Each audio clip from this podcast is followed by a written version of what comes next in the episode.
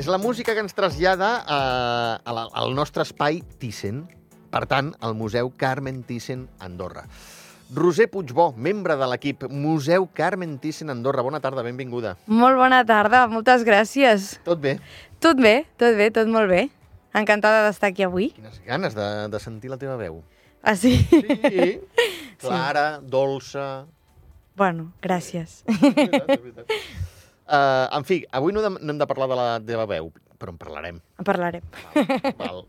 Potser. És un, és un, és un tracte que tenim. Uh, hem de parlar del Museu Carmen Thyssen i de les Exacte. activitats que ens proposeu durant aquest mes d'octubre, que no són poques. No, no són poques. Eh, si fem una mica de recordatori, perquè clar, hem tingut com l'aturada de l'estiu, al Museu Carmen Thyssen Andorra aquest estiu hem tingut molta feina, perquè hem estat treballant durant tot l'estiu amb els esports d'estiu, amb aquesta exposició que tenim actualment, que és Croma, l'univers emocional del color, que com ja sabeu parla dels colors i les emocions, i seguim una mica amb aquesta línia, no? A l'estiu vam jugar molt amb la policromia, que és una de les parts importants que tenim ara mateix al, al museu, perquè eh, és on parlem de tot el que és l'art pop, street art, l'art modern, i és la part que ens ajuda a arribar als joves. No? A l'estiu vam enfocar-nos sobretot en aquesta, en aquesta part per parlar dels nostres, bueno, de les nostres activitats i els nostres eh, tallers, els esports d'estiu que vam tenir, i ara I perdona, perdona que et talli, Roser. Eh, aquest esforç per part vostra es veu recompensat? El jovent eh, ve i aprecia que allò és un missatge cap a ell de vine, visita el museu i prova a veure si t'agrada alguna altra cosa, de pas. Home, ens agra... ah, jo imagino, espero, espero que sí, sí que és veritat que la gent a vegades quan ve a visitar, la gent jove i surt, eh, és agradable quan et diuen ostres, m'ha agradat molt, o no m'ho esperava d'aquesta manera, o no m'esperava aquest tipus d'art o aquest tipus d'obres. I també el que fa molta gràcia és sobretot veure que infants que potser mai han entrat a un museu entren al Museu Carmen Thyssen Andorra amb aquesta exposició que tenim ara i veuen coses que ells saben què és. Això jo crec que és molt important, no? perquè al final eh, quan tu hi ha alguna cosa amb la que et sents identificada o que coneixes o que se't fa familiar, um, és proper per tu. Veure el Mickey Mouse o veure l'Ànec Donald en l'exposició fa que els nens petits també diguin ostres, aquest museu també és per mi, no? també forma part, jo formo part d'això i és una mica el que hem volgut fer amb Croma. Per tant, sí, entenc que, bueno, i espero que, que una mica la gent eh, marxi, els joves marxin amb aquesta idea, sobretot els adolescents, que potser és el públic que, que costa més, no? perquè hi ha aquella idea de d'un museu molt concreta, que al final volem trencar amb aquests estigmes també nosaltres. I les activitats familiars del cap de setmana eh, giren també amb aquesta, amb aquesta idea de traure les famílies i de traure no només els infants a fer el taller, sinó també els adults. És a dir, quan als adults els hi dius eh, venim a fer un taller familiar i els pares també fan el taller, ai, els pares també fem el taller? No? Llavors és, és com una mica, sí, sí, per crear un, un clima de tranquil·litat, un espai de concentració amb el que estem fent, de diversió també, evidentment, i que segurament durant la setmana no tenim. Per això jo crec que els tallers que fem al cap de setmana són especials en aquest sentit, perquè creem una atmosfera durant 45 minuts, una hora, que és única. Llavors, eh, hi ha molta gent que repeteix molts caps de setmana. Uh, deixa'm enviar un missatge que sempre envio uh, quan, quan parlem de, de museus. Portem el nostre fill o filla, tingui l'edat que tingui, tingui l'edat que tingui. Uh, si m'apures, encara, que ni, encara que ni camini, és igual, tingui l'edat que tingui, perquè ens sorprendrà. És que sí, a vegades... Perquè si ho heu fet, Sí. feu memòria. Jo crec, a mi m'ha passat i, i la sorpresa ha estat majúscula. Sí, és que hi ha infants que a vegades estan, els veus que estan més, més entregats o més emocionats pel que estan veient que potser els pares, no? I, i, i pel fet de que aquell infant no ha tingut aquell estímul o, aquell, o, ha anat, o no ha anat a aquell lloc, ja, ja mm, penso que no li agradarà, no? I també hem de deixar una mica que, que descobreixin coses noves. I amb cromes que poden descobrir, perquè hi ha des de uh, quadres més realistes, eh, de finals del segle XIX, principis del segle XX, de l'oci nocturn a París, de la Belle Époque, i després també hi ha obres molt modernes, és a dir, de pop art, tenim dos grafits a dins de la sala, bueno, no sé si has tingut el plaer de venir a visitar la- l'exposició, bueno, No t'ho volia dir, però t'ho diré. Va, vinc, Ah. vinc, aquest, vinc aquest dissabte amb els, amb els dos nebots. Ah, sí? Sí. Ah, i em volies fer la sorpresa? Doncs sí. pues allà estarem, allà estarem. Sí, I perquè no se mica... n'han perdut cap de moment, gràcies a Déu. Això, això és I molt ara ja m'ho demanen, Roser. Està Per això et deia, bé. veus, és que està molt malament parlar-ho, ho sento, però ara ho he de fer. Ara que ja, ja hem començat, ja hem obert el foc. eh, T'ho dic perquè ara m'ho demanen. Ja. I una té 9 i l'altra en té 6 Sí. acabats de fer. I m'ho demanen, tiet, ens portaràs al museu? Sí. Compte, eh? És que poca broma. És que a sobre les, les audioguies estan tenen un llenguatge que estan, estan molt adaptades a tots els públics, que des d'un infant de 8 anys a, a una persona gran de 80 entén, perquè és des d'un punt de vista molt narratiu, molt descriptiu, que et fa fixar-te en detalls que tu a primera vista potser no veus, i després, eh, davant de qualsevol cosa, també nosaltres podem resoldre tots els dubtes que, que sorgeixin, la gent quan et pregunta, doncs, ai, aquesta obra, em pots dir alguna cosa, tal, també estem allà a la seva disposició. I a sobre també tenim una banda sonora, que aquest any és única, perquè és la primera vegada que Oriol Vilella, juntament amb l'Orquestra Nacional d'Andorra, la ONCA, han creat aquesta banda sonora, que sobre és una experiència més, no? vinculada a la música, a l'art, la música, i bueno, una mica jo crec que és bastant complet en aquest sentit. Eh, no us perdeu croma, perquè sempre és, no cal dir-ho, solvència contrastada, totes les eh, exposicions que han portat al país des del Museu Carmen Thyssen Andorra, però dilluns encara parlarem més propietat, perquè l'hauré vist. Perfecte. I la si... gent pot pensar, què diu aquest ara encara no l'ha vist? bueno, No, però jo crec que sí que una mica t'has vist un tastet. Jo crec que has anat xafardejant i ja- sí que saps coses. De totes maneres, si vens aquest cap de setmana i a la gent que ens estigui escoltant, eh, us recomano els tallers, que és el que dèiem. Eh, aquest dia cap i de... nit. Dia i nit, és Dia aquest cap nit. de setmana. Què passa, dia i nit, Roser? Doncs mira, aquest eh, mes, com et deia, cada mes ens centrem en un color. Val? Croma conformen sis colors. Aquest mes de- d'octubre ens centrem en els colors foscos. Per tant, seria tot el que englobaria aquella gamma cromàtica del fosc, el marró, el gris, el negre, el l'ocre, tota aquesta gamma de colors. Val? Val. També tenim moltes obres eh, que formen aquesta, aquesta part principal de la sala. Llavors, l'octubre el dediquem a aquests colors. Els tallers estan centrats en aquestes obres que tenim a la mostra. Dia i nit és el taller que es desenvoluparà aquest cap de setmana, el 7 i 8, i el que faran és que els participants que vinguin, les famílies que vinguin, crearan el seu paisatge. Però aquest paisatge no, haurà, no hauran de triar si és de dia o és de nit, perquè podran tenir les dues opcions. M'explico. El que faran serà eh, un taller en el qual, um, a través d'una bueno, una làmina rodona, imagineu-vos com un cercle, Sí. jo puc dibuixar el meu paisatge, doncs dibuixo un prat amb unes vaques, amb unes cases, i llavors hi haurà una part que la dedicaré al cel. Però aquesta part eh, tindrà com una arandela posada al mig i jo la podré girar per, per darrere. Per tant, jo hauré dibuixat de dia i de nit amb una làmina que enganxaré al darrere i podré fer que el meu paisatge sigui o de dia o de nit. Carai.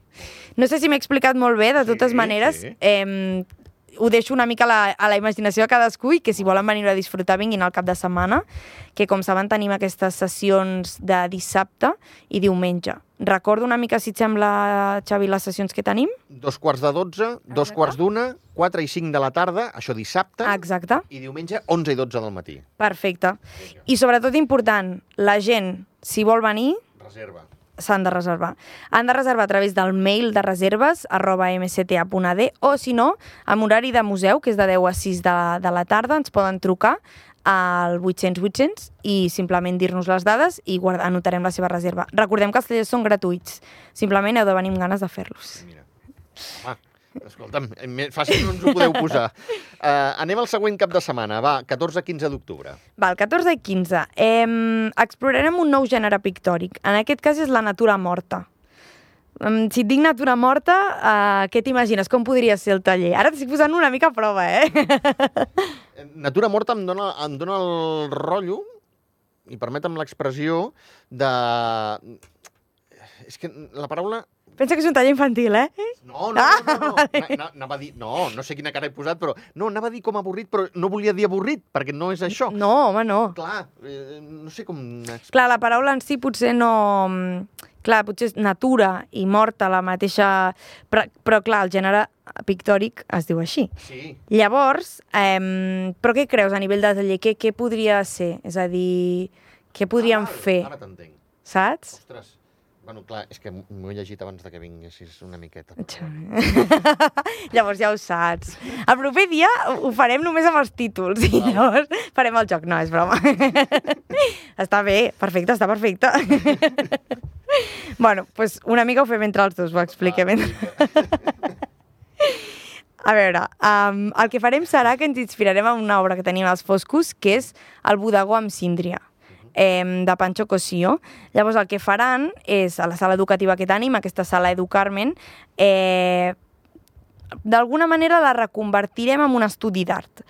Però ens posa, és a dir, normalment els tallers familiars són amb taules. Sí. En aquesta ocasió eh, hem volgut una mica que els infants quan vinguin sempre volem que se sentin així, eh? però que se sentin artistes. Però en aquesta ocasió els hi donarem més eines encara perquè se sentin artistes. Carai. Els hi posarem cavallets, els hi posarem les làmines i posarem eh, al mig una, una natura morta, que és, eh, doncs, per exemple, poden ser diferents fruites, flors, algun gerro o així, Val. i ells ho hauran de reproduir, igual que l'obra de Pancho Cosío, del bodegó amb la síndria. Carai. És una mica la idea. Ho faran en, amb, ca amb cavallet i tot, perdona, eh, això m'ho poseu a mi quan jo tenia l'edat dels meus nebots. És que fa, és molt ah, maco. Home. És molt maco. A part, pintarem amb, amb guaix, amb pintura al guaix, llavors ja et sents allà un artista amb la, amb la teva paleta de colors, el cavallet, la làmina, només et falta el barret sí. i ja està. La bata, sobretot que no ens taquem. Barret i bata de casa. S'ha de venir. Ah, ja, ja, ja posats a fer, ho portem tot, ostres. Exacte, ens, en, ens customitzem abans d'anar a fer sí, el taller. Sí, Perfecte. Senyora. I després seguim, perquè no s'acaben. Són quatre caps de setmana d'octubre, n'hem dit dos. El tercer, eh, el 22 i 21 i 22 d'octubre, interpretarem l'obra eh, 405 en Sunset de l'artista argentina Mercedes Lasarte. En aquesta activitat el que es farà és que les famílies imaginaran paisatges urbans nocturns, ciutats amb els cotxes passant. La ciutat de Nova York, per exemple, és un claríssim uh, exemple en aquest sentit. De fet, l'artista argentina en aquesta obra el que fa una mica és inspirar-se amb la finestra de la seva habitació de Times Square amb tots els cotxes passant i així. Clar, però és que paisatge nocturn no necessàriament vol dir fosc, perquè no, exacte. precisament Nova York no és, és la ciutat que mai dorm. Exacte. I de fet a l'exposició tenim moltes representacions de Nova York com a ciutat que mai dorm, que ja veuràs aquest cap de setmana, i el que faran serà que es plasmaran mitjançant l'ús de ceres en cartolines fosques. És a dir, la cartolina sí que és fosca, com si fos la nit, i llavors ells faran el seu paisatge al damunt que, com dèiem, pot ser molt viu, amb molts colors, que passin moltes coses, o totalment al contrari. Sí, sí, sí. sí. Molt bé, molt bé. I després, uh, finalment, el 28 i 29 d'octubre, el que farem és que celebrarem la, festi la festivitat de la castanyada i de Halloween. No hem triat un o l'altre, sinó que els hem posat els dos, i farem una creació inspirada en el món màgic. Per què?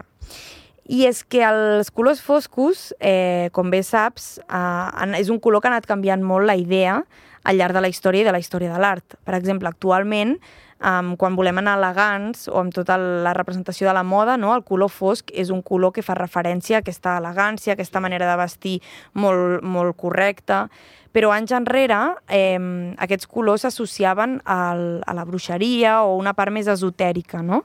Eh, llavors, eh, al món màgic també hi ha referències a dintre de la nostra exposició a través d'una obra que es diu La Mandràgora. No sé si és que és una mandràgora. No. Explica-ho, va. No sé, has vist... Eh, jo no ho he vist, però bueno, sempre fem aquesta referència perquè és una mica el que més ajuda a l'exposició. A Harry Potter, la planta aquella que aixecaven i que cridava, sí. va, allò és una mandràgora. Val. Ah, no criden, les mandràgores reals, Val. però sí que tenen aquelles arrels eh, molt llargues, que s'entortolliguen molt les unes amb les altres.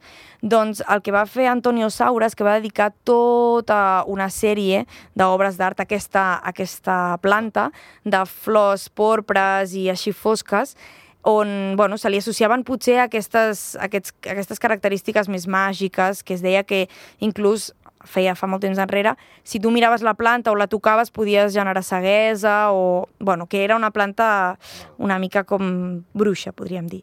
Llavors tenim una obra que és una mandràgora, que és abstracta, i, i que es titula així. Llavors, la idea és que, al prenent de base aquesta obra abstracta, les famílies creïn les seves pròpies mandràgores, però utilitzant fang i fils. Ah. Aquí es complica una mica més la tècnica, la canviem una mica, marxem dels colors, el guaix, la pintura i ens adentrem en el món del, del fang.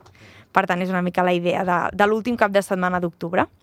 M'has fet pensar quan parlaves del negre i que passa de ser un color de bruixeria a un color com elegant, eh, segurament va ser abans, eh? però molta part de culpa de que mm, el negre fos elegant la té una senyora que teniu exposada a croma, Audrey Hepburn. El que passa que, clar, no està en vestit negre. No, Però quin vestit la va fer famosa? exacte. Ella, Coco Chanel també, una mica hi ha tot aquest grup de dones elegants que, que canviaven també. De fet, també tenim una Marilyn Monroe a l'exposició, sí. no? Um, que és dels vermells, per tant és una idea diferent, però que ja ho, ja ho veuràs. Um, però sí, sí, que canvien aquestes dinàmiques. Al final, eh, amb aquesta exposició també ens anem adonat una mica que tot ha evolucionat segons com evo- evolucionava la societat, no? El color també s'ha anat adaptant a les modes, a les tendències, al que la gent parlava abans, no? De boca a orella, ara potser és més a través de les xarxes o de TikTok, Instagram o el que sigui, però ha patit tota aquesta evolució des de l'inici, que es feia servir el color fosc per pintar a les cabanes, a les eh, representacions rupestres i així, amb els minerals que trobaven de, de terra, fins a la invenció de la impremta, passant per tota aquesta part que dèiem potser de la bruixeria, després el color del dol i fins a aquest color de l'elegància i la moda, no? Per tant, és molt interessant també veure tota aquesta història dels colors, eh? Que, darrere de cada un dels colors. Jo he après moltíssim, estic aprenent molt amb aquesta exposició. Escolta'm, t'ho he de demanar perquè, per culpa, gràcies a tu, vaig haver de repetir a l'anterior exposició. Ah, sí? Sí, perquè aquí ens vas acon eh, aconsellar que miréssim molt detingudament el quadre de les nimfes. Sí, sí, sí, sí. I he de sí. Que jo no l'havia vist amb els teus ulls, fins que m'ho vas expl- explicar i vaig tornar al museu i el vaig veure amb els teus ulls i vaig dir, ostres, sí, aquí hi ha molta cosa. Sí, Jo no sí, sí, vist. sí, sí. Sí, de fet, mm, no vull crear-te... No vull que, que et centris només en una obra o així, però sí que m'agradaria que jo n'hi ha una a l'exposició que no m'esperava que em sorprengués i em va sorprendre. És a dir, és la segona exposició que he vist que al Museu Carmen Thyssen a Andorra des de dins i no sé per què sempre hi ha una obra que em crida molt l'atenció més que les altres. Llavors, eh, això, Roser, vols dir que no ens passa a tots? Que n'hi ha una que, pel que sigui... Però clar, jo ja tenia, ja tenia una premissa abans, ja sabia quines, mm, quines obres abans de que arribessin a, a la sala i em va canviar la idea totalment. Perquè jo, jo, per exemple, la que tinc moltes ganes de veure és la de Campendonc. Ho dic, ho dic bé? Campendonc? Sí, Campendonc.